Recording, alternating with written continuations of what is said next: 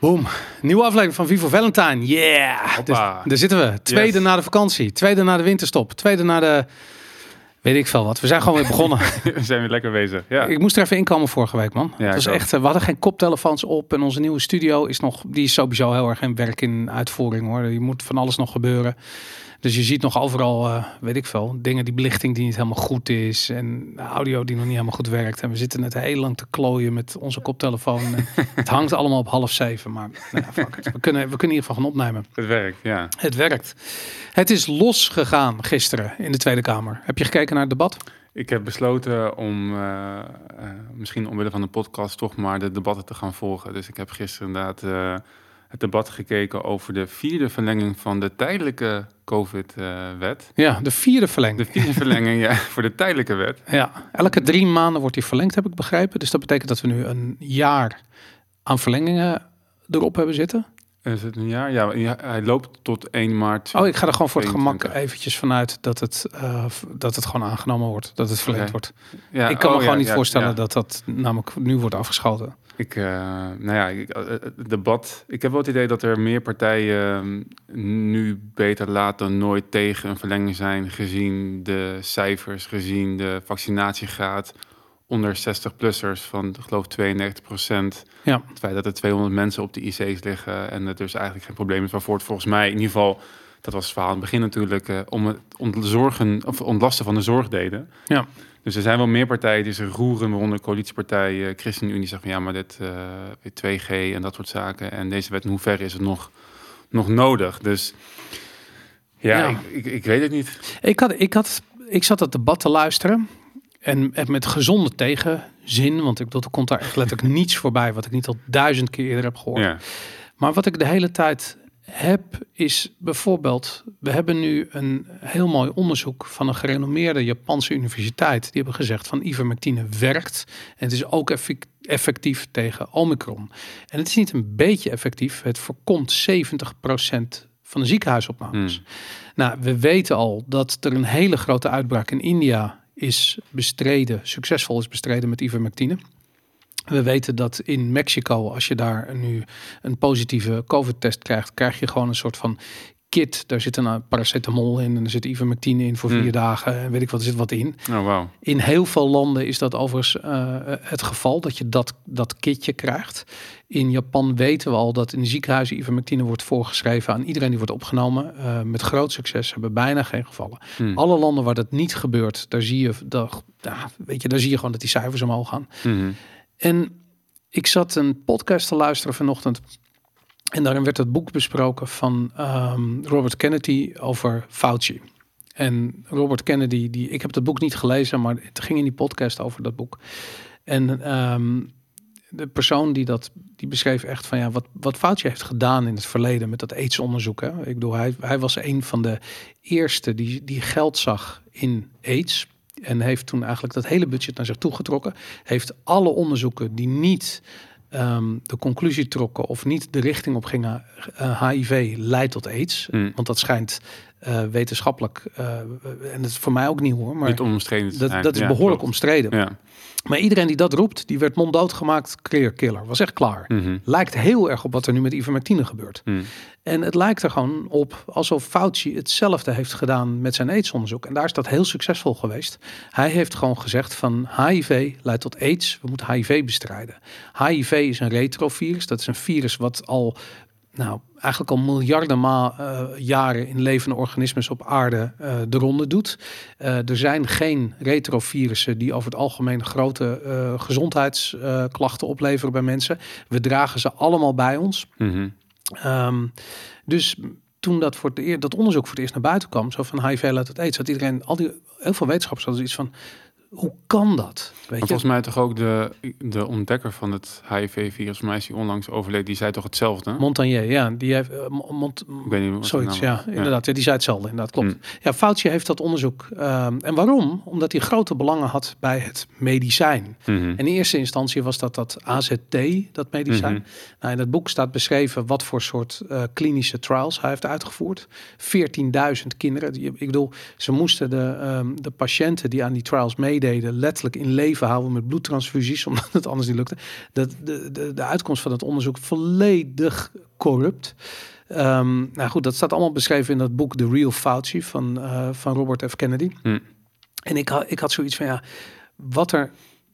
Je moet je gewoon realiseren dat ivermectine ervoor had kunnen zorgen dat corona niet meer was dan een griep. Mhm. Want als je kijkt dat de mensen die eraan gestorven zijn, allemaal zware zwaar onderliggend lijden, allemaal. Ehm, en dan een paar gevallen. eh, en als je dat sterfte, als je die sterfte al had terug kunnen brengen met 70%, nou dan de, de jonge mensen die gestorven zijn, de, de handvol, wat, wat, wat, wat waren het er volgens mij nog geen 200, die gestorven zijn, ehm, eh, die, die geen eh, onderliggend lijden hadden, dat had je dus allemaal kunnen voorkomen met ivermectine. Mhm. En ik begrijp niet waarom er nog altijd zo spastisch op gereageerd wordt. Ook in de Tweede eh, Kamer gisteren weer bij dat debat. Mhm. Eh, het kwam één keer ter sprake. Heb ik dan het idee van iemand van D66 die dan helemaal giftig op reageert als, dan, als dat woord langskomt. En ja, ik blijf erbij van deze hele crisis is gewoon gemismanaged en gekunsteld. En in het slechtste geval gerund door mensen die belang hadden bij, eh, bij de uitkomst die Ja. we nu hebben gezien. En dat is niet best, weet je. Dat, dat, dat roept wel degelijk om tribunalen. Ja, maar dat is denk ik ook precies wat het is. Die Fauci, ik zag mij twee weken geleden voorbij komen... dat hij is de best betaalde ambtenaar in Amerika. Wow. Dus die man verdient, nou, net zoals een aantal mensen hier op Oosterhuis... en ook mensen van leden van het OMT... verdienen gewoon letterlijk geld met de manier waarop we Ja, eh, corona bestrijden. ja. En ja, ik denk dat ik op vakantie nog een hele interessante docu gekeken. Dat heet Fat Phobic. Het gaat over hoe we in eigenlijk, nou, het gaat over Amerika, maar ik denk ook de rest van de wereld verslaafd zijn geraakt aan de voedselpyramide, de schijf Ja. van vijf, wat eh, eigenlijk gewoon heel slecht is. En hoe ehm, vet en vet eten eh, en dierlijk eten eigenlijk een soort van eh, de boosdoener is geworden voor heel veel ziektes. En men in Amerika dus overging op vetarm, maar high carb. Ja. Die dus ook door één man die een onderzoek heeft gedaan, die dat eh, goed wist te verkopen onder beleidsmakers en beleidsmakers. En het onderzoek was ook gemaakt. volledig lek. Want Mhm. eh, de man die dat, eh, die heet toevallig ook Keynes of Keynes, een van de ja. twee. Ik haal ze Keynes, altijd door elkaar. Keynes Ja, inderdaad, ja. En dus toen, volgens mij heeft Roosevelt heeft op een gegeven moment een hartaanval gekregen. Ja. Toen heeft de Amerikaanse overheid heeft, een soort van harteaan, harteaandoeningen gebombardeerd tot staatsvijand nummer één. Er moest eh, uitgevonden worden hoe dat Mhm. kwam. Mhm. En toen eh, zijn ze dus heel kort door de bocht gaan kijken van oké, iemand heeft een hartaanval. Nou, de cholesterol is hoog. Dan zal cholesterol, ehm, eh, dat is eigenlijk, eh komt door vet eten. Dan Mhm. is vet eten is dus de boosdoener. Ja. Blijkt dat dat helemaal niet zo eh, eh, duidelijk is. Ik bedoel, er is eh, Daan de Wit, onderzoeksjournalist, heeft een boek geschreven, De cholesterolmythe. eh waarin hij eigenlijk stelt van cholesterol komt niet eh, door vet eten. Cholesterol is de brandweer als er brand uitbreekt. Ze zijn niet de oorzaak van de brand. Ze, ze treden op als bestrijding van de vaatontstekingen die je krijgt als je vet uit je dieet haalt. Mhm. En met name de goede vetten. Mhm. Dat is natuurlijk waar, waar dit over gaat. Ik heb die documentaire ook gezien die, eh, eh, die zegt, maar dit is al, ik bedoel, ik heb diabetes, dus dit hele onderwerp is iets wat ik al, al, al zeker, zeker een jaar of acht eh, op de voet volg. Ja. Meerdere podcasts over gemaakt. En, en echt serieus, dat wat er met voeding aan de hand is, dat is krankzinnig. En die, die schijf van vijf, wat je, Ja. die voedselpyramide, Ja. die is dus ontwikkeld door eh, het ministerie van Landbouw. Want die moesten graan verkopen. En dat is waarom graanproducten staan zo, weet je, die staan hoog. Die, Dat moet je hebben. Dat is het Mhm. merendeel van de schijf van vijf. Fuck dat. Dat is Ja, heel ongezond. Ja, maar dat is dus precies inderdaad in, in, landbouw in Amerika bedoel je toch? Die, eh, of hier, hier het is hier niet wel. anders. Wij hebben dan de schijf van vijf. In Amerika heb je de food pyramid. Ja, maar het, is- het, hetzelfde principe, dezelfde eh, foute ehm, adviezen inderdaad. Maar ik vind het gewoon zo interessant, want het gaat over eh, die overheidsbemoeienis. En we hebben natuurlijk vorige week hebben we het ook gehad over ehm, wat je zegt, hoe, hoe kan dit? En omdat er andere dingen gaande zijn dan daadwerkelijk het bestrijden van die COVID-crisis. Ja. En heel veel mensen die, die eh, grijpen naar conspiracy, ik weet- het niet, maar ik weet wel dat er heel veel perverse prikkels Mhm. zijn die je ook krijgt op het moment dat je zegt van we willen dit vanuit een centrale plek Ja. regisseren. En vorige week nog nogal wat discussie over, over ons ehm, eh, het bestempelen van wat er nu gebeurt als communisme en het Ja. op ophemelen van kapitalisme. Ik kreeg ook een vraag op, uh, op Facebook van iemand die... Um, Mensen snappen dat niet. Ze snappen het niet we hebben, ja. we hebben een nieuwe doelgroep. We hebben in het begin hebben we heel veel uitgelegd over corporatisme ja. en wat kapitalisme eigenlijk is. Ja. En je merkt, we hebben een nieuwe doelgroep die dat allemaal uh, niet heeft meegekregen. Mhm. En dus eigenlijk een soort van, van het woord kapitalisme, uh, die denken aan corruptie en zakkenvullers en weet ik veel wat. En Ja. haren gaan overeind staan. En Mhm. die hebben zoiets van, ja, maar dat is evil. En socialisme verdeelt eerlijk, dus is goed. Mhm. Ehm, ja, misschien is het toch goed om nog een keertje uit te leggen wat kapitalisme werkelijk is. Ja, of in ieder geval ook eh, de, de, eh, wat communisme precies is. Want er is, eigenlijk is dat opgekomen ten tijde van de industriële revolutie. Dus op het moment dat je dus, dat er mensen waren die heel veel welvaart konden genereren, creëren door middel van ja, eh, automatisering en eh, zeg maar automatiseren van productieprocessen. En eh, ehm, ja, communisme gelooft in een klassenstrijd die daardoor is ontstaan. Dus je hebt een rijke klasse en een, arbeidersklasse, de, het proletariaat en de bourgeoisie. En die willen die ongelijkheid eigenlijk eh, opheffen. Dus dat is al, als je kijkt naar communisme, dan eh, waar je naar moet kijken is, wil je gelijkheid opheffen? Want dat is eigenlijk al uit de koker van communisme. Ongelijkheid opheffen. Ongelijkheid opheffen. ik, Ja. Ja.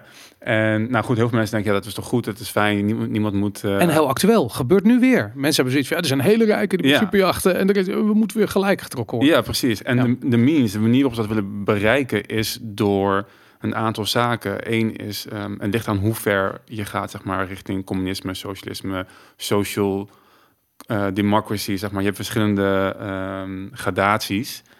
Eh, maar in feite is het allemaal op de schaal van hoeveel overheidsinmenging en hoeveel centrale planning wil ik. En ehm, ze willen dus de staat gebruiken, de staat als instituut om die ongelijkheid op te heffen. En een van de dingen waar die ze dan aan kunnen draaien, of aan willen draaien, is het private property. Dus communisme gelooft niet in private property.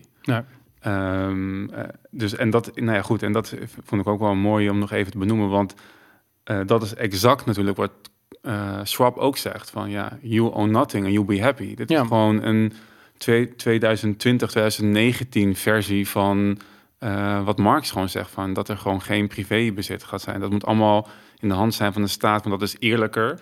Of eigenlijk, dat is misschien is dat een goede nuance. Ze zeggen het moet in bezit zijn van de gemeenschap. Ja, Maar de gemeenschap is natuurlijk, dat is geen entiteit. die wordt vertegenwoordigd door de staat. Die wordt altijd vertegenwoordigd door de staat. En dat is denk ik wat mensen vaak niet beseffen als ze zeggen van ja, het klinkt heel goed, we moeten het samen doen voor de gemeenschap. Ja, daar geloof ik, geloof ik ook in, in de zin van ehm, ehm, dat, dat bijvoorbeeld een, dat je aandelen hebt en je bent mede-eigenaar van iets, maar niet in een systeem waar je macht centraliseert en je dit soort perverse prikkels krijgt. En dus nou ja, verkeerde eh coronabestrijding, omdat mensen daar gewoon geld mee verdienen Ja, als gevolg. En dat, ik denk dat voor veel mensen dat nog, dat misschien dat een, een wat ik nu zeg, een, een brug en stap te ver is. Dat, dat, Nou, weet je wat ik aan toe zou willen toevoegen? Want ik, ik, ik zat er ook aan, hoe kan je dat nou uitleggen? En ik realiseer me bijvoorbeeld heel goed dat ehm, je hebt... eh, ik vind Zimbabwe vind ik een goed voorbeeld. Hè? Dus Zimbabwe heette Rhodesië. Werd gerund door... eh, had eigenlijk een kapitalistisch systeem. Je zag veel blanke boeren, hadden daar grote boerderijen, heel veel land en weet ik wat. En eh, de zwarte bevolking, die het minder goed had, die hadden zoiets van... Ja, maar wacht even, dit is diefstal. En daar valt wat voor te zeggen. Zou je kunnen zeggen. Ik weet het niet. Maar goed, onder eh eh, Rhodesië eh onafhankelijk voor de onafhankelijkheid. Dus de Britten hebben daar natuurlijk wel degelijk met militaire inmenging een boel eigendom naar zich toegetrokken. Nou goed, whatever, dat is gebeurd. Als diefstal plaatsvindt en je zegt van nou, dat die diefstal is onterecht. De reactie daarop, en dat is eigenlijk een hele menselijke reactie, is van we gaan het terugstelen. Dus diefstal de andere kant op. Dus er wordt gewoon getouwtrekt aan iets, dus diefstal. Ehm, meer diefstal. Dat, dat lost nooit een probleem op. Het enige wat er gebeurt is dat er een andere partij is die in het bezit komt van alles wat in eerste instantie in het bezit was van mensen die dat wel of niet gestolen hadden. Of laten we ervan uitgaan dat ze dat gestolen hadden. Wat je wil is dat het stelen stopt.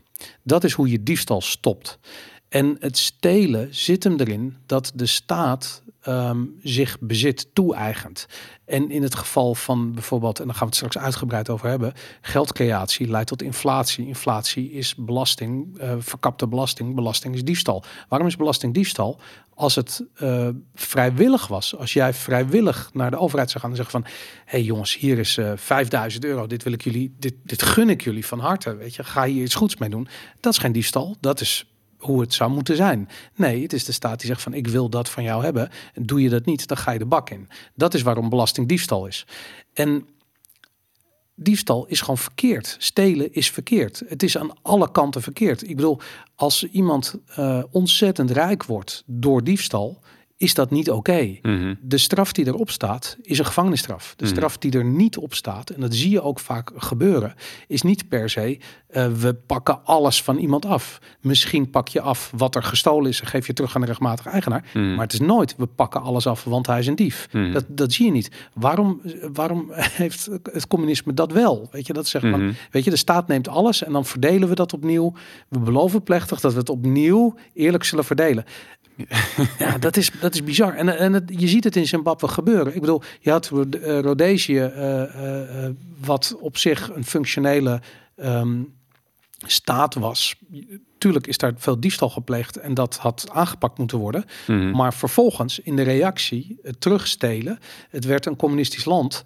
En eh, eh, nou goed, de, de, de inflatie en de geldcreatie en de waardeloze Zimbabwaanse dollars eh, zijn, zijn bijna een soort van, hoe noem je dat? Een soort toonbeeld geworden van hoe, hoe corruptie eruit ziet. En zeker hoe communistische corruptie eruit ziet. Ik vind die van Zimbabwe wel ingewikkeld, omdat je, ehm, je maakt een paar keer een kanttekening van ehm, hoe dat land verkregen is. Zeg maar, Ja. Want be- het belangrijkste tegenstelling van communisme eh, in kapitalisme is dat je wel privé-eigendom hebt. En dat is heel, wordt heel, als heel belangrijk gezien. Dat is namelijk een veilige basis om jezelf te ontplooien, om eh, meer te gaan produceren en ja, zo een, nou ja, een bijdrage voor jezelf en, en je omgeving te, te kunnen leveren. Want dat is wat bedrijven natuurlijk doen. Bedrijven leveren producten en diensten die iedereen vrijwillig af wil nemen. Ja, In tegenstelling tot communisme, waarbij je het centraal plant en een overheid bepaalt, nou hier, jij moet deze zorgverzekering in deze vorm afnemen.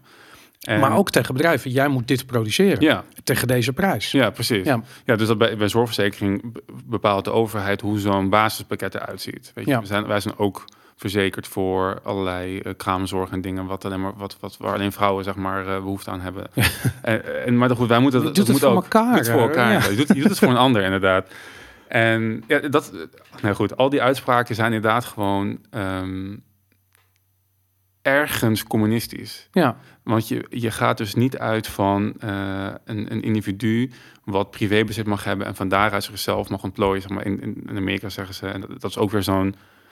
Amerika is- niet een, eh, het summum van kapitalisme, maar en, en ik wil ook niet elke keer dat als voorbeeld aanhalen, maar in den beginnen met de, met de founding fathers, waarbij ze wel privé-eigendom voor het eerst echt verankerden in de wet. Hm. Eh, en ook dus boven democratie stel- stellen. Want dat wil ik ook vanaf. Dit hele idee dat democratie zeg maar, het beste is wat we kunnen krijgen, dat is, dat is ook niet waar. Ja. Want dat zou betekenen dat als 51% stemt voor het afnemen van jouw bezit, of dat jij een vaccinatie moet nemen, of nou, noem een dwarsstraat, dan is dat oké, want het is met, bij meerderheid besloten. Nee, Ja. kapitalisme en daarmee de, de politieke filosofie, libertarisme gaat uit van jouw eigendom, jouw lichaam is heilig en niemand mag eraan komen. Ja, maar ook met name waarom? Omdat als het goed gaat met jou, gaat het goed met de samenleving. Ja. En wat je bij communisme ziet, is dat die, dat individu wordt overgeslagen. Mhm. En, het, en het, het hele vraagstuk wordt verplaatst naar de samenleving. Dus het, het, dat het goed gaat met het samenleving wordt het doel. En dat van kun je zeggen dat is een goed doel, want het moet goed gaan met de samenleving. Maar de weg waarop je daar komt, is langs het individu. Het individu moet gelukkig zijn, gezond zijn en kunnen produceren. Mhm. Want dat is goed voor de samenleving. Juist. En goed voor hem en dus of voor haar en dus voor de samenleving. Communisten hebben zoiets van nee, het moet goed gaan met de staat. Want als het goed gaat met de staat, gaat het goed met de samenleving. Dus de andere kant Ja. op, van boven naar beneden. En die top-down manier van regeren werkt niet, want hij leidt tot corruptie. Want de mensen die uiteindelijk de dienst aan het maken eh, in de regering, ja, die kun je opbellen en dan kun je, die kun je omkopen. Daar kun je van alles en nog om. En dat zie je ook keer op keer weer gebeuren. Dat worden of hele nare eh, eh, dictators die daar terechtkomen, of het wordt pure corruptie, wat je eigenlijk, weet je, dat zie je in Venezuela en Zimbabwe zag je dat ook, weet je. En dat de mens is niet geschikt voor dat soort systemen. We zijn geen mieren. Mhm. Weet je, wij moeten, bij ons moet het beginnen vanuit het individu. Als jij jezelf helemaal kunt wegcijferen. En, en, en, en je jezelf in teken van iets anders kunt zetten. Fantastisch, weet je. Ik bedoel, misschien moet je, eh, weet ik veel, een priester worden of een monnik of een, weet ik veel, whatever. Dan, dan zet je je leven in het teken van iets anders. Maar de meeste mensen willen gewoon een dak boven hun hoofd en dat hun Ja. kinderen veilig opgroeien. Mhm. Zorg dat dat kan. Niet van buitenaf, maar geef ze de vrijheid om dat zelf te doen, want ze Ja. kunnen het zelf. Ja, het is dus tweeledig, denk ik. Dus één, aan de ene kant gaat het fout omdat macht corrompeert. Mhm. En inderdaad, eh, letterlijk, de fysiologie van mensen verandert in machtsposities. En ze gaan Ja. zich anders gedragen. Dus de vraag is, zouden jij en ik in een extreme machtspositie, zeg maar, uiteindelijk over verloop van tijd hetzelfde blijven en dezelfde beslissingen maken? Ik weet het niet. De, de wetenschap zou zeggen van niet. Dus daarom moet je niemand, hoe, goed hun intenties ook zijn, in zo'n positie zetten. Aan de tweede kant gaat het uit van centrale planning en een soort van wetenschap die de rest van het volk niet heeft. Ja, Dus er zijn ambtenaren die ehm, hierover nadenken, notities schrijven en denken dat de hele maatschappij in één keurslijf past en dat het over verloop van tijd precies zo gaat lopen zoals zij bedacht hebben in die notitie van een paar jaar geleden. ja, En dat werkt gewoon niet. En dat is inderdaad ook weer het tegenovergestelde van de vrije markt en kapitalisme, is dat je ehm, het maar uit moet zoeken. ja. Ondernemers die proberen iets en proberen dat eh, nou ja, maand op maand, jaar op jaar. ja. En degene die het meest succesvol zijn in de vrije markt, die, eh, die komen voorop. En, da- en om, daarvan wil je de producten kopen, daarvan wil je de servers kopen. Dient te verstaan natuurlijk dat er nu ook heel veel dingen gaan. Zijn we net over voeding gehad. Mhm. Wat door bedrijven wordt gedaan waar we niet achter staan. Maar de vraag is dus, in hoever is die sprake van vergroeiing tussen staat en bedrijven? Een groot kapitaal, vooral het- een, Procter Gamble en een Unilever. Eh, in hoeverre zijn zij beïnvloed door wat er in Amerika en de staat gebeurt? Maar heel erg. Maar een heel goed voorbeeld vind ik namelijk Starbucks. Starbucks heb je in Nederland vrij veel. Starbucks betaalt geen belasting, want ze hebben een belastingconstructie waarbij ehm, ze betalen natuurlijk wel wat loonbelasting voor de mensen die er werken, maar de, eh, dat betalen die mensen over eigenlijk Ja, zelf. net zeggen, ja, ja. daarom dat betalen ze zelf. Ehm, maar de, de, de winsten worden weggesluist naar belastingparadijzen. Als jij een koffietentje wil beginnen op de hoek tegenover de Starbucks, dan moet jij gewoon eh, en je betaalt natuurlijk je eigen loonbelasting, maar je moet ook je winstbelasting afdragen. En God weet wat allemaal. Mhm. Ehm, Starbucks importeert zijn eigen bonen, BTW vrij, want ze worden zelf hier eh, hoe heet het, eh, weer, weer, weer verkocht. Jij moet gewoon BTW afdragen over die, over die bonen en gaat maar terugvragen bij Mhm. de staat, bij wijze van spreken. Nou, met andere woorden, het is een oneerlijke concurrentie, want jij moet Ja. concurreren tegen een partij die allerlei voordelen geniet. En waarom genieten ze die voordelen? Omdat ze zo groot zijn dat ze overal de beste voorwaarden kunnen uitonderhandelen. Mhm. En dan denk je van ja, maar wat is de rol van de overheid daarin? De Nederlandse Belastingdienst, nu is het klaar, omdat er volgens mij Europees gezien te veel ophef over is. Maar de Nederlandse Belastingdienst heeft gewoon een aparte desk gehad voor grote bedrijven die naar Nederland wilden komen. Die gewoon hier een kantoor of een hoofdkantoor Hmm. openden. Eh, en eh, tegen hele gunstige eh, voorwaarden. Ja, Met andere woorden, we hebben het hoofdkantoor van IKEA hebben we hier. Eh, we hebben volgens mij. ehm, Booking.com, nou, ja, Starbucks. Echt, Ja. ik, weet, ik weet uit de games die Activision Blizzard had op een gegeven moment zijn Oh, hoofdkantoor, of hebben ze nog steeds, weet ik niet. Zoveel bedrijven die in Nederland een hoofdkantoor hebben. Mhm. Waarom? Omdat ze gewoon een deal hebben met de Belastingdienst. Ja. En dat, ehm, en ja, eerlijk gezegd is dat gewoon een goed voorbeeld van als jij je koffiezaakje op de hoek eh, opent en je belt de Belastingdienst op en zegt, en zegt van luister, ik wil, een, ik wil met jullie omhandelen, dan eh, krijg je de Fiat op je dak. Weet je? Ik bedoel, Ja. Er is echt geen, ehm, geen, geen ruimte om te onderhandelen. Nee, en dat is precies, ik vind dat een heel mooi voorbeeld. Want dat is dus, mensen zien dus Booking.com, IKEA en Starbucks als het kapitalisme. Terwijl ten eerste, dit is echt een marginaal deel van de economie. Ja, Eh, Want het meeste econ- economie wordt nu al gegenereerd door het MKB, het midden- en kleinbedrijf. Ja. Maar die zit inderdaad in een, in een, in een 3-0 achterstand ten aanzien van die grote bedrijven, omdat ze wel gewoon belasting moeten betalen.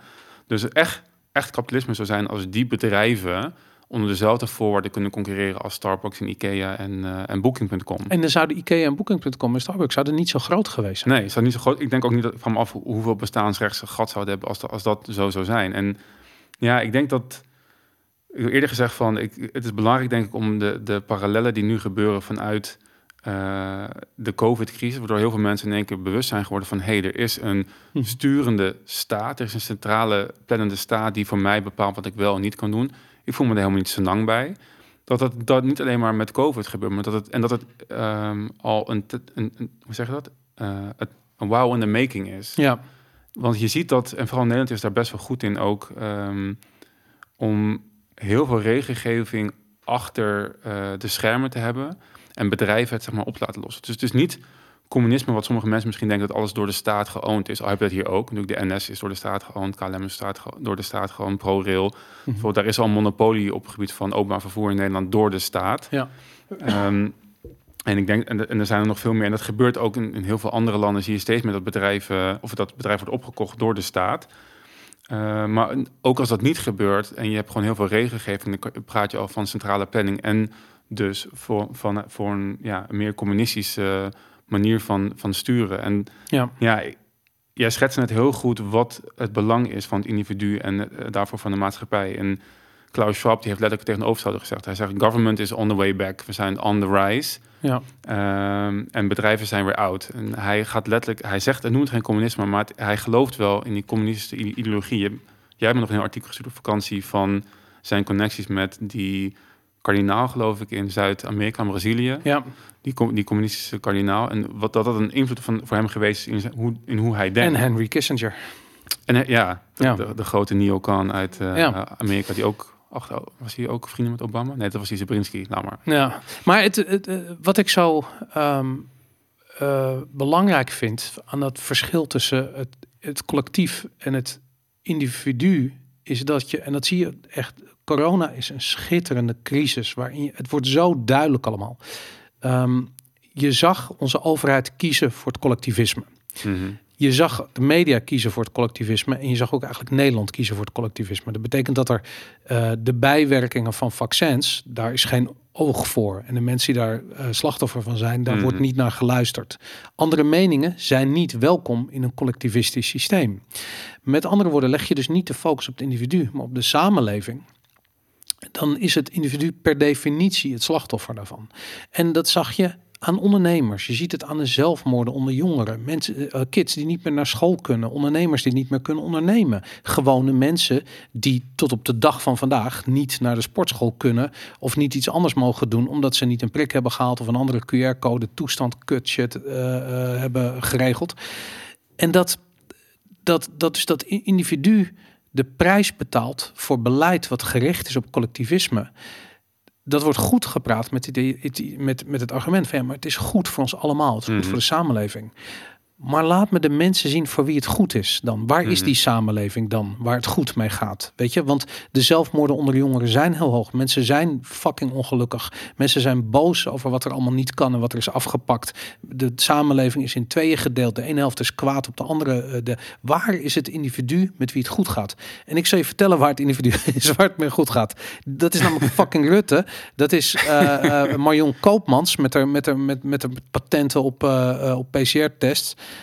Ehm, eh, dat zijn die mensen. Dat zijn de mensen die het beleid uitrollen. Met hun gaat het goed. Met Foutje gaat het goed. Ab Osterhaus heeft meer verdiend aan de patenten op vaccins dan ooit. Dus met die mensen gaat het allemaal goed. Maar waar zijn de mensen met wie het goed gaat? Dan die, waar is die samenleving dan waar het goed mee gaat?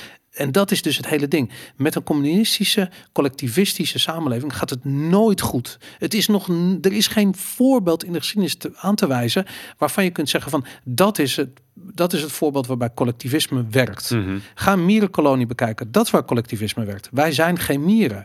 wij zijn mensen. Wij worden gedreven door angst en verlangen. Daar hebben we het wel eens eerder over gehad. Weet je? En dat is, dat is zo fundamenteel voor de mensen. Dat definieert zo erg wie wij zijn. Onze zoektocht in het leven. Die, die, die, die, die, die, die hoe noem je dat? Die, die hero's journey die elk mens moet doorgaan in zijn leven om zingeving uh, te verkrijgen, gaat verloren op het moment dat je wordt uh, geramd in een soort van collectivistisch, communistisch systeem. Mhm. En dat is dus het hele probleem. Weet je, dat je kunt wel zeggen van ja, maar het is heel nobel als het met ons allemaal goed gaat. Het gaat pas goed met ons allemaal als we allemaal als individu optimaal kunnen functioneren. En dat gaat per definitie niet lukken op het moment dat je je gaat focussen van oké, het moet goed gaan met de samenleving. Weet je? Mhm. Ik bedoel, het is hetzelfde als dat je zegt van ja, het moet heel goed gaan met mijn gezondheid. Maar ik ga wel bij de McDonald's vreten. Weet je, het is exact hetzelfde. En het is deze tijd. We worden, we worden geteisterd door dat mhm. denkbeeld. Ja. soort van gezondheid is een iets extrinsieks. Weet je, dat is een mhm. spuitje wat je neemt. Mhm. Of dat, nee man, het is gewoon, het is je rust, het is je stress, het is je voeding. Weet je, ik bedoel, kijk ernaar en je zult zien dat het goed gaat. Op individueel niveau. Wil je de samenleving gezond maken, dan kun je niet zeggen van, nou, dan gaan we iedereen nu verplicht broccoli door zijn strot douwen, weet je. Dat is ook niet een mm. gezondheid. Mm. Daar wordt iedereen heel gestrest van. En dat, met hetzelfde met die vaccinaties, weet je. Ik bedoel, je, ja, het is fucking vreselijk. En dat maar, maar, maar, het is, maar het is niet eens dat, ik, ik vind het niet eens nobel. Nee. Want het is, het is gedwongen solidariteit. Het is gedwongen vrijgevigheid, zeg maar. Ja. Het wordt afgepakt en het wordt ergens anders herverdeeld aan dingen waar je geen invloed op hebt. Ik vind het nobeler als jij vanuit jezelf, vanuit je eigen beweging inderdaad, gewoon een deel van jouw inkomen afstaat aan een goed doel. Dus altijd Wat mensen- heel veel mensen en ondernemers die zelf rijk geworden zijn, per Doen. definitie doen. Ja, dus het is ook het is, het is inderdaad niet, niet nodig. En je ziet het ook op plekken waar de overheid een minder sturende rol he- heeft, heb je minder een crowding out effect. Je ziet dat er dus meer goede doelen en meer geld wordt gegeven aan, aan, nou, aan, aan, aan wat, voor wie dan ook, welke compensatie mensen dan ook nodig hebben. Mhm. En we praten nu ook vanaf, vanaf een praktisch eh oogpunt. Je zegt net van het is niet eerder ergens gelukt. We hebben natuurlijk de Sovjet-Unie gehad. Die zijn op een Mhm. gegeven moment op een communistisch, eh, van, vanuit Lenin in een communistisch systeem terechtgekomen en gingen centraal plannen. Dus ook echt bepalen wat de productie gaat zijn van bijvoorbeeld eh, graan en dat soort zaken. En dan quota. En Mhm. nou, dat is finaal misgegaan, omdat, omdat het dus niet werkt. Je kan zoveel wensdenken als je wil. Die maakbare samenleving waar Hm. vrijwel iedereen in gelooft, dat, dat, dat werkt gewoon niet. Dat is, eh voor mij zei ik vorige week dat ook, dat is de, de evolution of everything. Dat het gewoon gaandeweg helder wordt wat wel en niet werkt. Maar er is ook nog een moreel aspect. En dat zei ik net over van stel dat er 51% zegt van ja, je moet een spuitje krijgen. En stel dat het echt werkt en dat het echt beter is, eh, ehm, is het dan, is het dan eh, te rechtvaardigen dat iemand dus tegen zijn zin in een medicijn krijgt in zijn lichaam, ook al werkt het wel, heeft geen bijeffecten. Ik ga even gewoon uit van, van alle Mhm. positieve scenario's. Nee, want het, het lichamelijke integriteit is belangrijker. Ja, en, en Het dat, is jouw leven. Ja. Jij bent als enige verantwoordelijkheid voor jouw gezondheid en jouw keuzes en jouw leven. En Ja. de uitkomst die, je, die dat met zich meebrengt. Ja, en, en dat is denk ik wel de, de, want daar hebben we het mm, vaak minder over. Ook omdat ik vooral vanuit die praktische kant het interessanter vind, omdat het gewoon, denk ik, überhaupt niet werkt. Want die, zeg maar, al die positieve scenario's die je schetst, die zijn er nooit. Ja. Het is altijd maar afwachten. Maar ook als het wel zo zou zijn, dan ben jij je eigen persoon, eigen mens met je eigen rechten. En niemand heeft het recht jouw lichaam te, te, te, te schenden voor wat dan ook, als jij dat zelf niet wil. Maar er zit nog een andere kant aan. Als die vaccins er goed zouden werken, echt goed zouden werken, dan zou je er wel voor betalen om ze te kopen. Precies, ja, precies. En dat is het, de, de- denk ik, de kapitalistische insteek. In plaats van eh, als staat te denken van oké, we gaan de samenleving gezond maken. En dat, dat kan alleen maar door middel van dit middel. Ik bedoel, geen, de, laat zeggen, de eerste, de beste arts zal zeggen dat elk mens anders is. En dat een medische behandeling eigenlijk voor iedereen anders is. Dat is Mhm. een individueel. Neem niet weg dat je wel zou kunnen zeggen van er zijn een, een paar algemene dingen zijn waar. Als, als het zo is dat het goed werkt om, om, om een bepaald product te gebruiken voor je eigen gezondheid, dan heb je daar zelf de meeste baat bij. Mhm. Als je zelf, eh, maar, maar als je dus zegt van ja, maar ik heb er niet de beste baat van, maar de samenleving heeft er de beste baat bij, dan zou je kunnen zeggen, laat de samenleving het dan ook maar betalen. Mhm. Maar dan ben je al weg van het individu. En dan krijg je dus zelf iets opgedrongen wat je zelf niet wil, maar wat de samenleving wil. De Mhm. samenleving die niet bestaat. Wat een, wat, een, wat, wat een heleboel individuen zijn die samenkomen. En die dus met elkaar gaan besluiten dat iedereen een prik moet. Maar zij zelf het liefste soort van even de kat uit de boom kijken of zo. Mhm. Maar wat krijg je dus als je dus geen aanbod hebt van producten? En maar één aanbod hebt, dan is het heel makkelijk voor de staat om te zeggen van dit is de oplossing die je moet hebben. Als ivermectine vanaf dag één een optie was geweest, dan hadden we gezien dat het voor veel mensen gewerkt had. Dan was het gewoon een. Dan had jij kunnen zeggen van nou, misschien neem ik het vaccin of misschien neem ik een ivermectine behandeling als ik ziek word. Wat zal ik doen? Mhm. Of misschien neem je het allebei, weet ik van. Maar die vrijheid van keuze, dat is wat je nodig hebt in een gezond functionerende markt. En het liefst meer dan twee keuzes. Mhm. Maar niet één keuze en zeker niet één keuze opgedrongen. Want ja, dat is dat je, weet ik veel, in, in, de, in de Sovjet-Unie naar de winkel ging. En dan had je... eh, Wil je brood of brood? ja, één stuk brood. Ja. Dat, dat, dat was het, weet je. Ik bedoel, en oh, je halve fles wodka die bij je rantsoen zit, die krijg je ook mee. En dat was het. Geen keuze, niks niet. En dat vind ik zo lijp aan wat er nu gebeurt. Want die, het, feit, het feit dat we nu geen keuze hebben uit alternatieven dan een vaccin... komt door het groot kapitaal à la Pfizer... met hun Ja. lobbycampagne en hun invloed met in de World Economic Forum... En in de World media. Ja. Media, World Health Organization, overal waar ze, waar, ze- waar ze met geld eh, hun in invloed vergroten. En al die, die, die nou, mensen die toch eh, denken dat ze socialistisch zijn, Mhm. die, die trekken daar hun bek niet over over. Het is, Ja. het is zo'n, het is, nee, zei net nog clownwoord over iets anders. Het is, het is, zo, het is zo dubbel. Het, Nou, het is belachelijk. En ik, maar het, opvallende is dat zo weinig mensen dat zien. ja. Dat is heel frustrerend. En Mhm. er is een ander onderwerp waar ik even met je over wil hebben, waar exact hetzelfde gebeurt. En dat is namelijk dat vanochtend eh, inflatiecijfers bekend zijn gemaakt. Mhm. dat we in Nederland uh, jaar op jaar in de maand januari een inflatie hebben van 7,6 procent. Ja. Dat is ongekend. Ik heb een clipje gezien van. Uh, oh, sorry. Ja, nee, en, en dat al volgens de, de, de Europese methodiek waarvan ik me afvraag. Nee, Nederlandse. Dit is, uh, dit is CBS, is dit. Uh, oh, nee. nee, die, die Europese cijfers komen nog. Die komen volgens mij vandaag of morgen. Ze hebben een ander meetsysteem dan, dan de Nederlandse, dan CBS. Hmm. Maar goed, die, die inflatiecijfers zijn absoluut in werkelijkheid vele malen hoger. Mhm. En dat komt de inflatie, dat wordt ook wel gezegd, inflatie is een vector. Het is niet een, het is niet een vast gegeven. Het is een soort boodschappenmandje, zoals noemen. Er zitten een aantal producten in en dan meten ze over een bepaalde periode van tijd hoe zijn die in prijs veranderd. En dan kun je dan inflatie uit aflezen. Uh, maar stel dat jij bijvoorbeeld het enige product wat jij neemt, wat je afneemt, is bijvoorbeeld, ik zeg maar wat, gas om je huis te verwarmen. Nou, dan heb je een inflatie gekend afgelopen jaar van tegen de 100%, want die prijzen zijn verdubbeld. Dus dat, uh, het hangt er vanaf wat jij doet. Mhm. Heb je een auto, tank je veel benzine, uh, eet je veel vlees of eet je juist alleen maar soja, nep hamburgers, whatever. Al die dingen hebben een, um, een effect. Maar goed, de officiële inflatiecijfers van 7,6% zijn ongekend hoog. Het is echt, het is bizar, want dat betekent dat het voor veel mensen waarschijnlijk eerder richting de 20% gaat. En dat is, nou sorry, maar dat is Turkije-achtige. Mm maar goed, daar is het in werkelijk ook al hoger. Maar anyways, het is gewoon ongekend hoog. En dan is het de vraag, hoe komt dat? Ja. En ik zat aan een van de RTL Z-ding eh, te kijken en er zat Hans de Geus, die vertelde mij van, hey, Inflatie, dat komt door de supply lines, uh, jongens. Dat, uh, dat heeft te maken met um, ja, dat er eigenlijk uh, niet, geen producten meer voorhanden zijn en dan gaan die prijzen omhoog. En het grappige is, ik ken wat mensen in de bouw. En die in de bouw heb je al een hele tijd dat bijvoorbeeld de prijzen van hout zijn echt door het dak gegaan. Wat gebeurt er vervolgens? Elke klusser en zijn broer, die zijn hout al heel erg lang aan het opslaan, inschuren, in grote aannemers huren zelfs bedrijfspanden om daar bouwmaterialen in neer te hmm. leggen, omdat ze zo hard omhoog gaan.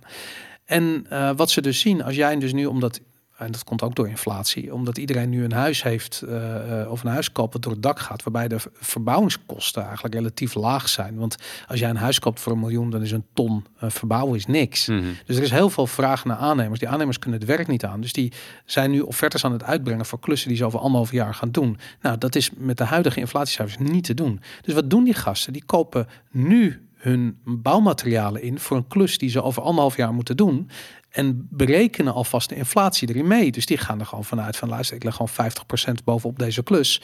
Want als ik iets extra's nodig heb, dan kan ik het dan tenminste nog betalen. En je merkt daar gewoon in van dat is wat inflatie doet. Dus die bouwmarkten uh, uh, die hebben een tekort aan spullen. En ik heb letterlijk, ik moest naar drie bouwmarkten rijden voordat ik alle gipsplaten, gipsplaat, een goedkoper product kun je niet vinden, maar ik had ze nodig voor de verbouwing van deze studio. Dus uh, ja, dan was ik drie bouwmarkten verder voordat ik alles had wat ik nodig had. Hmm. Terwijl dat vroeger haalde je dat gewoon bij op één plek, daar lag alles.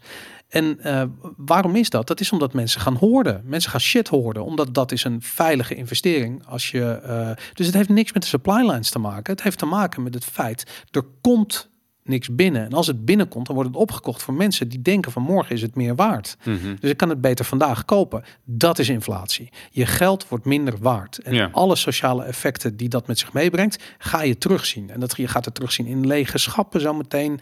Albert Heijn heeft het uit gehad dat er geen kaas meer lag. Ja, weet je, dat heeft ook met inflatie te maken. Dus waarom hebben wij inflatie. Gisteren was uh, Kaag was bij uh, op één. Uh, ik heb het idee dat ze niet eens weten wat inflatie is. ik weet niet wat ze daar doet op die positie van minister van Financiën. Dat is echt fucking krankzinnig. Nou, dat, zag je goed, want ze kan echt heel veel woorden uit de mond laten komen zonder eigenlijk iets te zeggen. En dat is volgens mij datgene wat je moet kunnen als je een hoge politieke functie wil bekleden. Nou, en het zegt ook wat over waar ze naartoe willen. Want die inflatie is niet meer te stoppen. Je kunt een piramidespel niet afbouwen namelijk. Dus wat er gebeurt is, inflatie komt door geldcreatie. De ECB uh, koopt nu zelfs. Uh, eerst was het schulden van bedrijven en schulden van landen zoals Griekenland op. Tegenwoordig hebben we eurobonds en je ziet niet eens meer waar het geld naartoe gaat, maar het is gewoon in de kas van Europa. En de ECB print gewoon het geld waarmee die, uh, die, die obligaties worden opgekocht. Ja, dus misschien nog heel even voor, voor de aller, aller duidelijkheid. Dus je hebt inderdaad, ehm, hoe komen prijzen tot stand? Dat is misschien, of hoe komt uh, ja, prijzen tot stand? Vraag en aanbod. Ja. Vraag en aanbod, inderdaad. En de ECB uh, is de, de, de enige producent van de euro. Ja. Uh, en die, uh, nou niet helemaal waar, maar de grootste producent van, van de euro. En die drukken dus heel veel geld bij. Nou, door staatsschulden op te kopen, onder andere. Ja, ze waren dus niet de grootste producent. Dat waren de banken. De Mhm. bankensector creëerde in feite het geld. Ja, op het moment dat jij een hypotheek afsluit, dan heb je een onderpand gegeven. En zeggen zij, nou, met het onderpand mogen wij Ja. geld creëren. Enter zoveel honderdduizend euro op jouw bank erbij uh, om, Ja. om het huis te kopen. Nou ja, dus dat is nou de andere vorm van, van geldcreatie. Ja, maar het is wel zo dat die, ehm, die twee dingen bestaan naast elkaar. Mhm. ECB die komt met een soort van rentebesluit. En ehm, eh, zorgt eigenlijk ook ervoor dat er regelgeving bestaat waardoor banken niet heel veel geld bij wijze van spreken in hun kluis hebben liggen of op hun digitale balans hebben staan. Dat moet ondergebracht worden bij de ECB tegen een bepaalde rente. En uh, dat betekent dat als jij dus, uh, weet ik veel, meer dan 100.000 euro zit tegenwoordig op de bank hebt, dan moet de bank moet dat bij de ECB onder de betalen ze voor, want er is tegenwoordig negatieve rente. Mm -hmm. Dus je betaalt om geld op de bank. Dat is de reden, omdat de ECB geld vraagt om dat geld uh, te stallen bij hun. Dat extra geld, dat moet jij als consument moet je dat ophoesten, terwijl het natuurlijk volledig omgekeerde wereld. Maar goed, misschien te ingewikkeld. Waar het om gaat, geldcreatie zorgt voor inflatie. Als er meer geld in omloop is, ja. dan betekent dat automatisch dat de goederen en diensten die moeten worden afgenomen met dat geld, dus meer geld gaan kosten. Want Ja. er is meer geld, dus wordt er meer geld geboden voor de goederen en diensten die er zijn.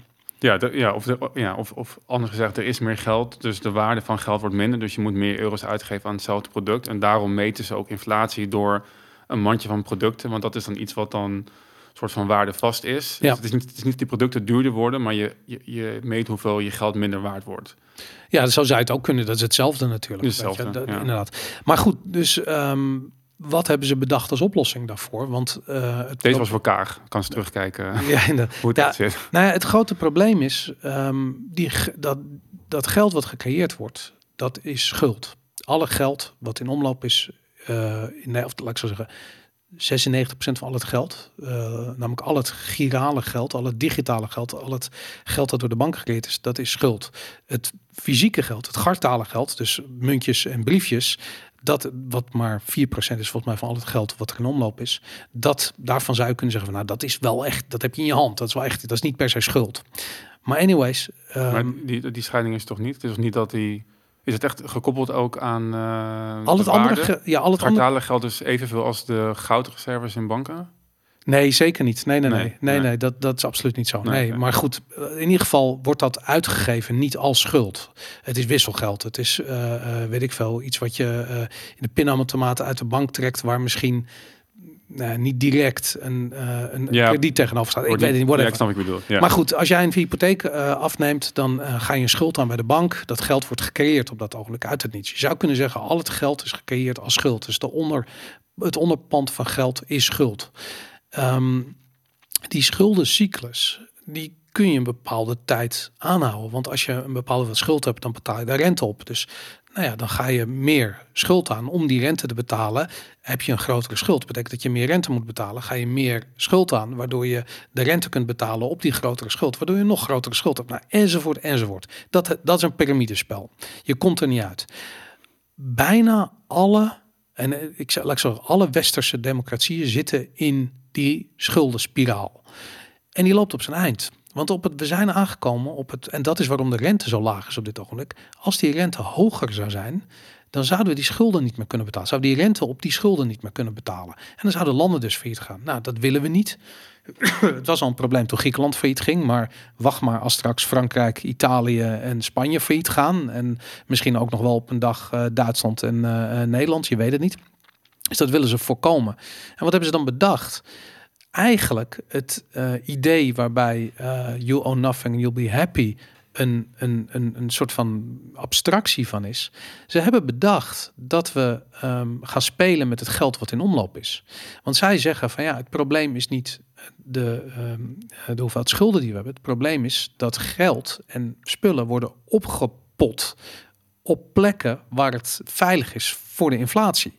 De houtloodsen. De houtloodsen, bij wijze van spreken, dat soort dingen. En wat krijg je dus? Is dat de overheid gaat dat proberen te managen. En uh, dat doen ze in de winkels door te zeggen van nou, wij gaan uh, prijsafspraken maken. Weet je, van je mag een pak koffie niet voor meer dan weet ik wel, 15 euro verkopen, ik zeg maar wat. Maar op een gegeven moment is de koffieproducent, die is dan het produceren tegen verlies. Dat zie je dus in alle communistische maatschappijen. En dat is slechts een kwestie van tijd voordat de koffieproducent geannexeerd wordt door de overheid.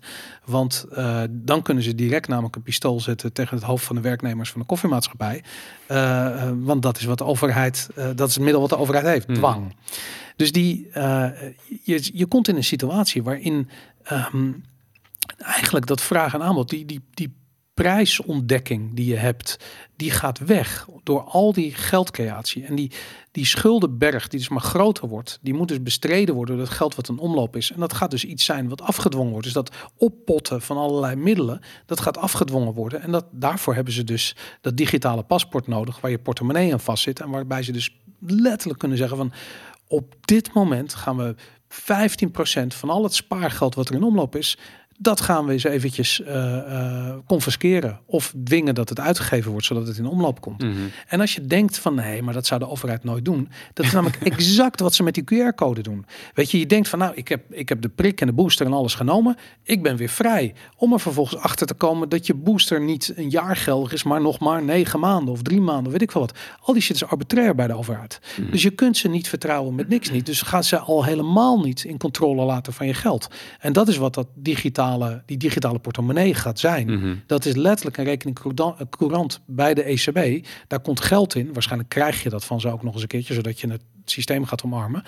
En daar zitten volgens allerlei voorwaarden aan voor je vrijheid. Exact zoals die QR-code werkt. Daarom is het zo belangrijk dat die QR-code er komt en de 2G en weet ik wat. Zodat de Nederlanders kunnen wennen aan het feit dat hun vrijheid ehm, ja, niet meer... Voorwaardelijk is. Ja, dat de vrijheid voorwaardelijk is.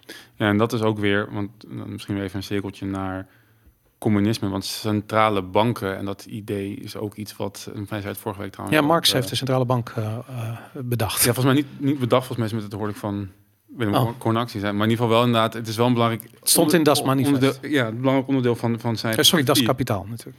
Uh, dat is kapitaal, ja. En en um, dus het het controleren van de van de geldvoorraad en het uitgeven van geld Waarvan ik voor een keertje heb gezegd van ik geloof in vrijmunterij. Ja. Dus je moet gewoon die markt ook vrij laten. En iedereen mag een munt aanbieden en laat de beste munt uh, daar maar in winnen. Dat kan mm -hmm. een cryptomunt zijn als bitcoin. Maar misschien dat iemand wel gouden munten wil gaan drukken of slaan. Weet ik veel. Het interesseert me niet. Dat moet je lekker zelf weten. Moet je van niet, niet af gaan dwingen. En, uh, maar dat idee van het, wij moeten dat controleren. Wat ik weet niet hoe lang dat al, uh, al bestaat. Um, uh, wat was het? Was het niet op Jekyll Island bedacht ooit in, in Amerika? Ja, ja zeker. Ja, ja. Dat, dat 18, Creature of Jekyll ja, Island is nog ja. geschreven daarover. Ja, ja precies. Dus, hoe oud is dat? 100, 150 jaar of zo? Nou goed. Ik... Nee, nee, nee, dat was de, de uh, eerste Bretton Woods bedoel je? Nee, nee. Het was, was dat die tijd? De Central Bank? Ik dacht dat het ouder was. Oh, ik dacht dat dat... Uh, dat is wel interessant. Dat is iets wat we... Ik dacht dat de eerste Bretton Woods, wat was het in 44, op Jekyll Island uh, gehouden is.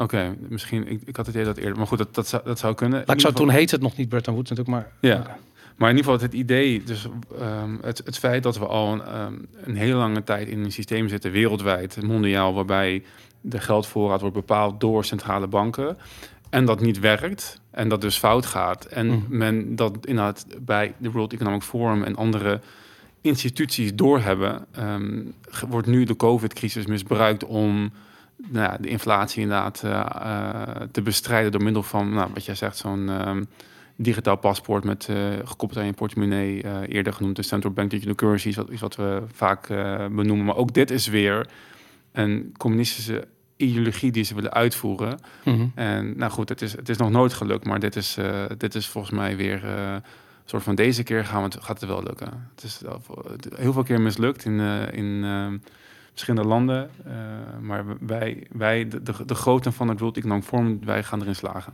Ja, 1910 was het. 1910, oké. Okay. Jekyll Island. Ja. Sorry, ik moest het even ja. opzoeken. Op ja. Je hebt gelijk, het was niet 1944. En dat was, um, want hoe heet die president? Die heeft er daarna nog ook over gewaarschuwd. Uh, Andrew? Nee? Uh, het was... Um, Even kijken. Ja, die is op zijn wie- op zijn sterfbed. Want hij heeft, eerst heeft hij, het, heeft het toegelaten, hij heeft getekend. Toen zei hij van, dat was, dat was echt de grootste fout die ik ooit gemaakt heb. Dat was een hele niks zeggende president. Ik ben ook mensen naam vergeten. Oh man. Volgens, onze kijkers moeten we een factchecker eh, ja, maar erbij echt, hebben. we moeten nu hier, we moeten Ja. Jamie hebben. Ja, Jamie, ja, wat was ja, de president van? ehm, ja, god, weet ik veel. Ja, ik weet het niet uit mijn hoofd. Ehm, wat gaar, want dat zou ik normaal gesproken wel weten. Moet ik te googlen? Nee, ik heb ook helemaal geen zin om Jamie te zijn. Nee. maar goed, ja, dat, dat, ehm, dus dat is al 112 jaar eh, in de making. Ja. En, en ik denk dat de wisseling naar de euro ook alweer een momentje was, zeg maar, om eh, dat, die inflatie te, be- te beteugelen. Ja, dat was een inflatiecorrectie. Zo is Ja. dat niet herkend. Terwijl Nee. iedereen boos was van ja, maar mijn bier was opeens eh de 2 euro 20 in plaats van 2 salaris gulden 20. gehalveerd en de prijzen. Ik, ik- voor mij was Ja. ik weet niet hoe oud ik toen was, maar ik ging regelmatig naar het Videoland om eh, video's te huren. En ik weet nog dat mijn en ik had een bijbaantje ergens. Ik zag mijn salaris gedeeld door 2,20371. Ja, En de videobanden ging van 4 gulden naar 4 euro. Ja. Maar dat was voor mij de meeste van hallo, wat is dit nog? ja, inderdaad. Nee, ik kan me dat ook goed herinneren inderdaad. Maar dat was dus een inflatiecorrectie. Zo ziet dat eruit. Maar goed, dat kon toen nog. Nu kan het niet meer. Ehm, Nou ja, dat is, het idee is natuurlijk dat ze dat weer gaan doen met zo'n central bank currency. ja, klopt. Dat gaat ook worden. Maar er komt nog een extra laag. En dat is controle van hoeveel geld er in omloop is. Hmm. En dat, want dat is natuurlijk het ding. di- Dat er is zo'n rekensommetje. En dit is iets wat ik helemaal op ga fokken. En waarbij economen absoluut. eh, maar er is een. ehm, ehm, de omloopsnelheid, de hoeveelheid geld en de omloopsnelheid van geld zijn onderdeel van een formule. En die formule wordt eigenlijk gehanteerd als je wil het effect van die geldcreatie wil meten. En ze zeggen dus, oké, de hoeveelheid geld kunnen we niet meer, ehm, dat kunnen we niet meer onder controle houden. Want we moeten geld creëren, omdat anders we kunnen we de rente op die schulden niet meer betalen. En wat je gaat zien is dat bijvoorbeeld de aandelenmarkt in elkaar klapt en de huizenmarkt klapt in elkaar. Want ja, het hele systeem drijft op, op, die, op die geldcreatie. Dus dat, dat moet overeind gehouden worden, want dat is politiek natuurlijk het meest opportun. En dan zeggen ze van oké, als we die, die geldcreatie niet meer kunnen stoppen, wat we wel kunnen stoppen, is de hoeveelheid geld die in omloop is. En dat zie je letterlijk gebeuren. En als je de lockdowns bijvoorbeeld vanuit dat perspectief ziet, dat mensen kunnen dus niet meer hun geld uitgeven. Uh, dus dat zou je kunnen zeggen, dat heeft een remmend effect op inflatie. Dus als je echt een conspiracy wappie zou kunnen zijn, dan zou je, of zou zijn, dan zou je zeggen van nou, misschien is het wel zo geweest dat ze die inflatie uh, zagen oplopen. Zoiets hadden, wat kunnen we doen? Laten we lockdowns gaan doen. Kijken wat er gebeurt. Mm. Nou, en inderdaad, het is zo. Het had een dempend effect op inflatie. En wanneer uh, um, zie je dat dat zo is. Namelijk op het moment dat je de lockdowns loslaat. En dan zie je opeens dat die inflatie omhoog spuit. Maar dat is wel grappig, want de bouwprijzen die stijgen eigenlijk al de hele COVID-crisis, maar dat lag ook niet stil. Ja, maar de, met de bouw en met die huizenmarkt is iets anders aan de hand. En dat is wat Arno ook zei. Dit, dat is zo'n... Uh, kijk, wat er vaak gebeurt is dat mensen die een huis kopen of een huis verkopen, zeg je hebt een huis gekocht voor een ton en je kunt het verkopen nu voor een miljoen. Uh, dan verkoop je het voor een miljoen, dan ga je een huis kopen van uh, 1,1 miljoen. Want je hebt, of meer, of weet ik veel wat, wat je kunt lenen bij de bank met dat geld wat je volgens meeneemt je ziet maar weinig mensen die hebben van, hey, ik, kan, ik krijg nu een miljoen voor mijn huis, ik verkoop het en ik ga eens eventjes dat uitgeven in de horeca. Ik ga het eens even opzuipen. weet je? Dat zie je niet gebeuren. Dus dat geld in die, in die huizenmarktbubbel blijft daar een beetje over het algemeen. En dat zorgt dat je het niet direct terugziet in inflatie. Je ziet wel de huizenprijzen terug. Dat, zijn wel, dat is wel een exponent van die inflatie. Maar je ziet niet dat dat geld, die geldcreatie die plaatsvindt bij het uitgeven van nieuwe hypotheken, leidt tot inflatie omdat het niet, de omloopsnelheid van het geld is gewoon relatief laag. En dat is dus nu wat, mm. wat eigenlijk de Bank of International Settlement, uh, Settlements heeft bedacht. Dat is die dikke August Karsten, die, uh, die de belichaming van, uh, inflatie van, is, van inflatie ja. is. Um, die heeft bedacht van ja, we moeten dus die omloopsnelheid van het geld zien te reguleren. En dat is wat die digitale portemonnees gaan doen. Mm. En dat betekent letterlijk van, hey, heb jij je geld niet uitgegeven op de 25ste van de maand? Poef, het is weg. Of uh, niet gehad. Ja, of je, of je betaalt gewoon, en daar zijn de discussies nu al over, over hoe je bijvoorbeeld uh, meer belasting kunt heffen. Uh, het, het, het wordt door soort van belasting, Europese belastingregels wordt het geconfiskeerd. Heb je nog geld aan het eind van de maand? Hop, belasting. En ja, weet je, dat kan niet, omdat we hebben geen Europese belasting. Maar dat gaat er komen. Mhm. De discussie die we nu hebben over box 3 en of het wel of niet, weet ik wel, 4% fictief rendement eh, gebruikt moet worden om dat te belasten, ehm, gaat er in mijn optiek toe leiden dat we zometeen een Europese eh, vermogensbelasting krijgen. Mhm. Ja, en ik denk dat dat, nou, ik vind het dus, eh, ja, het is gewoon doodeng. En ik denk dat het belangrijk is dat mensen dus, nou ja, helder wordt dat het verder gaat dan, eh, dan corona. En dat we inderdaad, eh, dat we, ehm, Ja, corona is daar een onderdeel van. Dat is het, dat, dat is het bizarre. Als je denkt van ja, maar dit gaat toch allemaal over die griep. En dat je denkt van ja, nee man. Ik Hm. bedoel, kijk, die griep die is er, die doet zijn ding. Maar hij wordt gewoon gebruikt. Net als dat klimaatverandering zometeen misbruikt wordt. mhm. Of gebruikt wordt, ik weet het niet.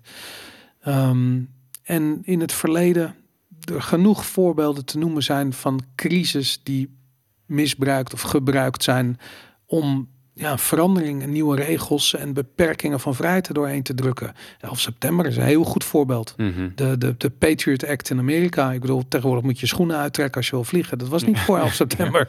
Ehm, Je waterflesjes weggooien. ja, dat soort dingen inderdaad. Ja, ja nou, dat krijg je. Zo grappig, want toen ik ehm, net na, ik weet niet wanneer dat was, ik ging geval reizen naar Amerika. Mijn vader woont natuurlijk in Amerika, dus ik ga daar regelmatig heen.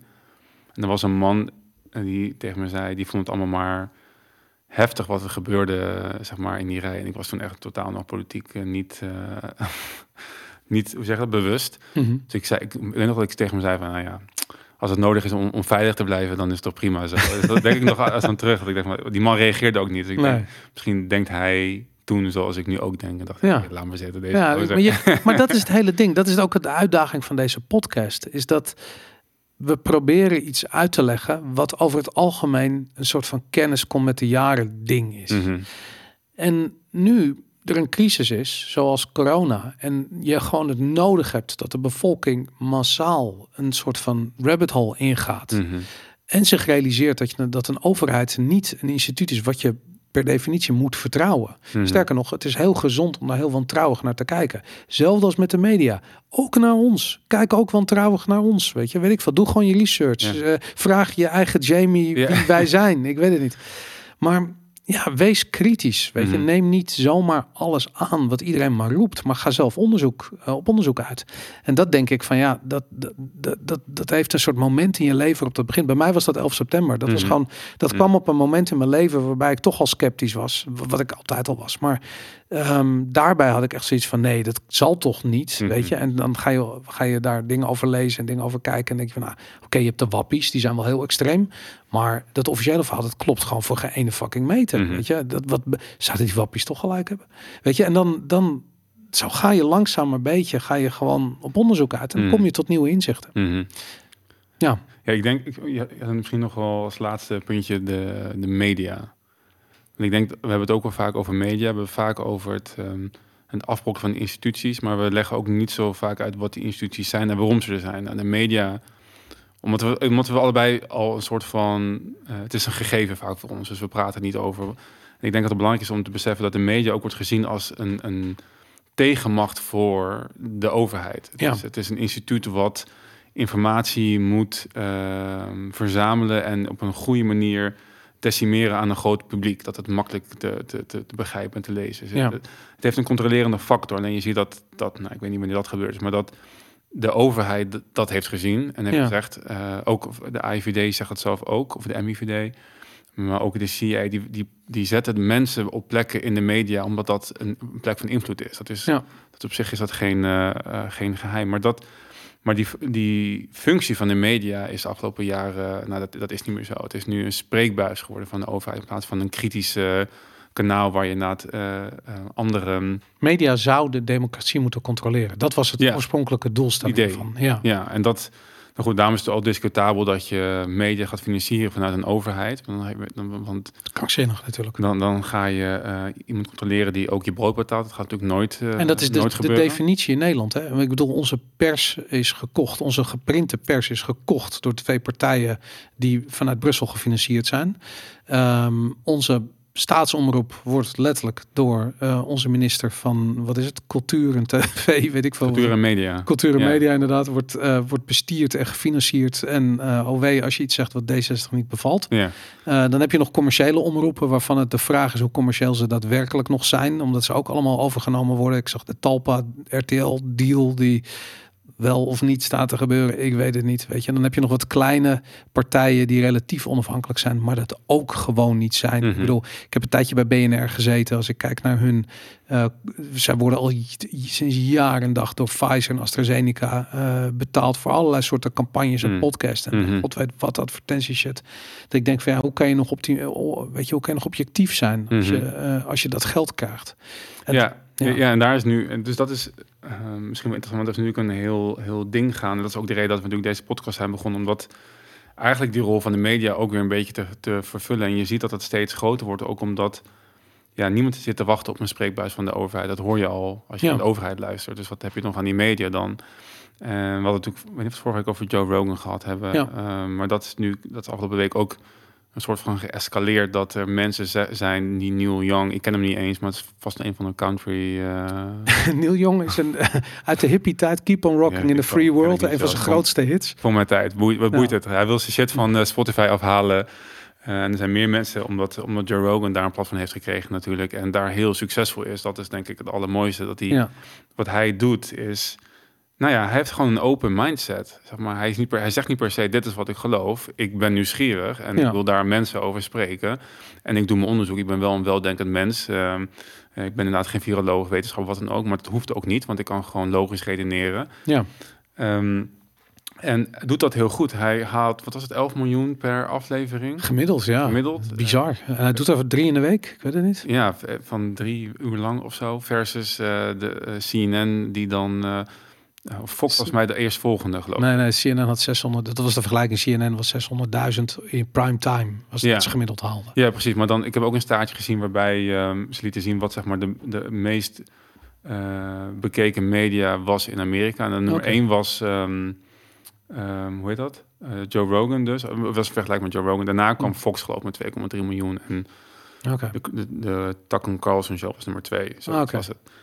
Maar dat, ik weet, ik vind, ik vind, de, want nu gaat dus het Witte Huis zich ermee bemoeien. Ja. Het eh, die Jen Psaki, geloof ik heet ze, die, tegen, die persvoorlichter van, eh, van Biden, die heeft gezegd dat, eh, nou goed, die wil dat Spotify harder optreedt tegen, tegenover Joe Rogan. Het is krankzinnig. Ja, Maar laat ik zo zeggen, Joe Rogan gaat hij alleen maar beter uitkomen. Als hij zijn eigen platform, die begint een eigen mediakanaal, eigen Mhm. mediabedrijf. Mhm. Die heeft Spotify straks niet meer nodig. Als Mhm. Spotify hem eruit kikt, dan moeten ze die 100 miljoen aftikken. Die ze eh, hem hebben beloofd voor die, voor die tienjarige deal. Ehm, en daar kan Joe Rogan denk ik een heel mooi mediakanaal van mij. Die gaat al, dat gaat alleen maar groeien. weet je. Want dan daar komen ook de volgende generatie Joe Rogans komen daar aan bod. En ehm, ja, ik denk dat dat voor hem beter is. Maar in, eerlijk gezegd, ik denk dat Spotify heel goed weet ehm, dat, het ze geen, dat ze zich niet mo- moeten aantrekken van politiek. Weet je, die, die, die politie die gaan, wel, die gaan wel weg. Mhm. Maar Joe Rogan is al tien jaar lang gewoon echt content aan het maken. Weet je? Mhm. Ik bedoel, ze verdienen gewoon heel veel geld eraan. En, dat, eh, en ik, heb, ik betaal voor Spotify en ik Ja. krijg alsnog advertenties voor Joe Rogan. Dus ik heb ja, ik weet het niet, weet je. Dat, eh, maar goed, eh, wat wel interessant is over Neil Young is dat zijn, zijn ehm, archief, eigenlijk al zijn muziek is een tijdje terug gekocht door een investeringsmaatschappij die weer als grootste aandeelhouder Pfizer heeft. Dus dat vond ik ook wel interessant. Dat, dat, maar je, je hebt gelijk. Ik, ik had laatst had ik een gesprek met iemand en die zei van ja, waar haal je informatie vandaan? Mhm. En ik realiseerde me dat in die vraag zit eigenlijk eh, een beetje eh, ingesloten dat er één plek is waar je informatie vandaan had. Hm. Zoals mensen vroeger een abonnement hadden op één krant. Of eh, weet ik veel, elke avond naar een op één keken. Weet je, het zit er al in bij wijze van spreken. Weet je, aan de een of andere talkshow kijken. En dat is dan hun bron van informatie. Nou, als je dat doet, dan ben je dus jezelf echt intellectueel geweld aan het aandoen. Mhm. Maar er is niet een kant-en-klare antwoord op de vraag, maar wat dan?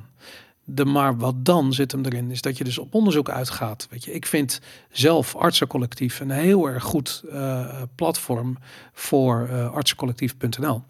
Heel erg goed platform voor eh, alles wat met corona en de medische kant van corona te maken heeft. Ik vind, ja, we- we- we- weet je, ik vind Jo- Joe Rogan heel erg goed als er een gast is die absoluut zoals die McCullough, die, die, die, die, is de meest gepubliceerde arts ter wereld ongeveer. Meeste wetenschappelijk, die man heeft zoveel credentials. Die komt daar te gast en die zegt gewoon van luister, ivermectine werkt en die hele eh, crisis is doorgestoken kaart. Hmm. Weet je, Mhm. sorry, maar als zo iemand dat zegt, dan moet je naar eens luisteren. Hetzelfde heb ik met die, eh, die gast, die eh, een van de belangrijkste artsen bij de Wo- World Health Organization, die, die Leonidas of zoiets. Ja, uit Leonis, zoiets. Ehm, nou, die gast is, die ze riep al vanaf dag één zo van, het klopt niet, het werkt niet, het, zit, het gaat niet op deze manier, het zit anders in elkaar. En ook helemaal monddood gemaakt. En dan denk ik gewoon van ja, je moet gewoon op zoek gaan naar de mensen die je het meest vertrouwt. En, vra en kijken wat ze zeggen. En die informatie en kennis leggen naast wat je uit andere bronnen hoort. En dan kom je ergens. En ja, er is denk ik niet één mediakanaal wat je altijd goed Mhm. voorlegt. Er zijn er meerdere. Ik wil van Peak Prosperity ook heel erg goed. Mhm. Die guy die doet allerlei eh, COVID-toestanden. Er zijn heel erg veel financiële kanalen die je kunt luisteren als je juist meer geïnteresseerd bent in de economische kant. Maar waar komen al die dingen samen? Ja, lastig. Ik denk een soort van talkshow zoals dit, Mhm. je, waarin we dat allemaal bespreken. Maar heel erg moeilijk om dat allemaal aan elkaar te knopen als je niet weet waar je moet beginnen. Nee. Maar, en vooral misschien belangrijker, altijd eh, zelf blijven nadenken. Ja, heel belangrijk. Zelf nadenken. en als je dat doet, dan kijk je volgende week weer naar Vivo Valentine. Thanks.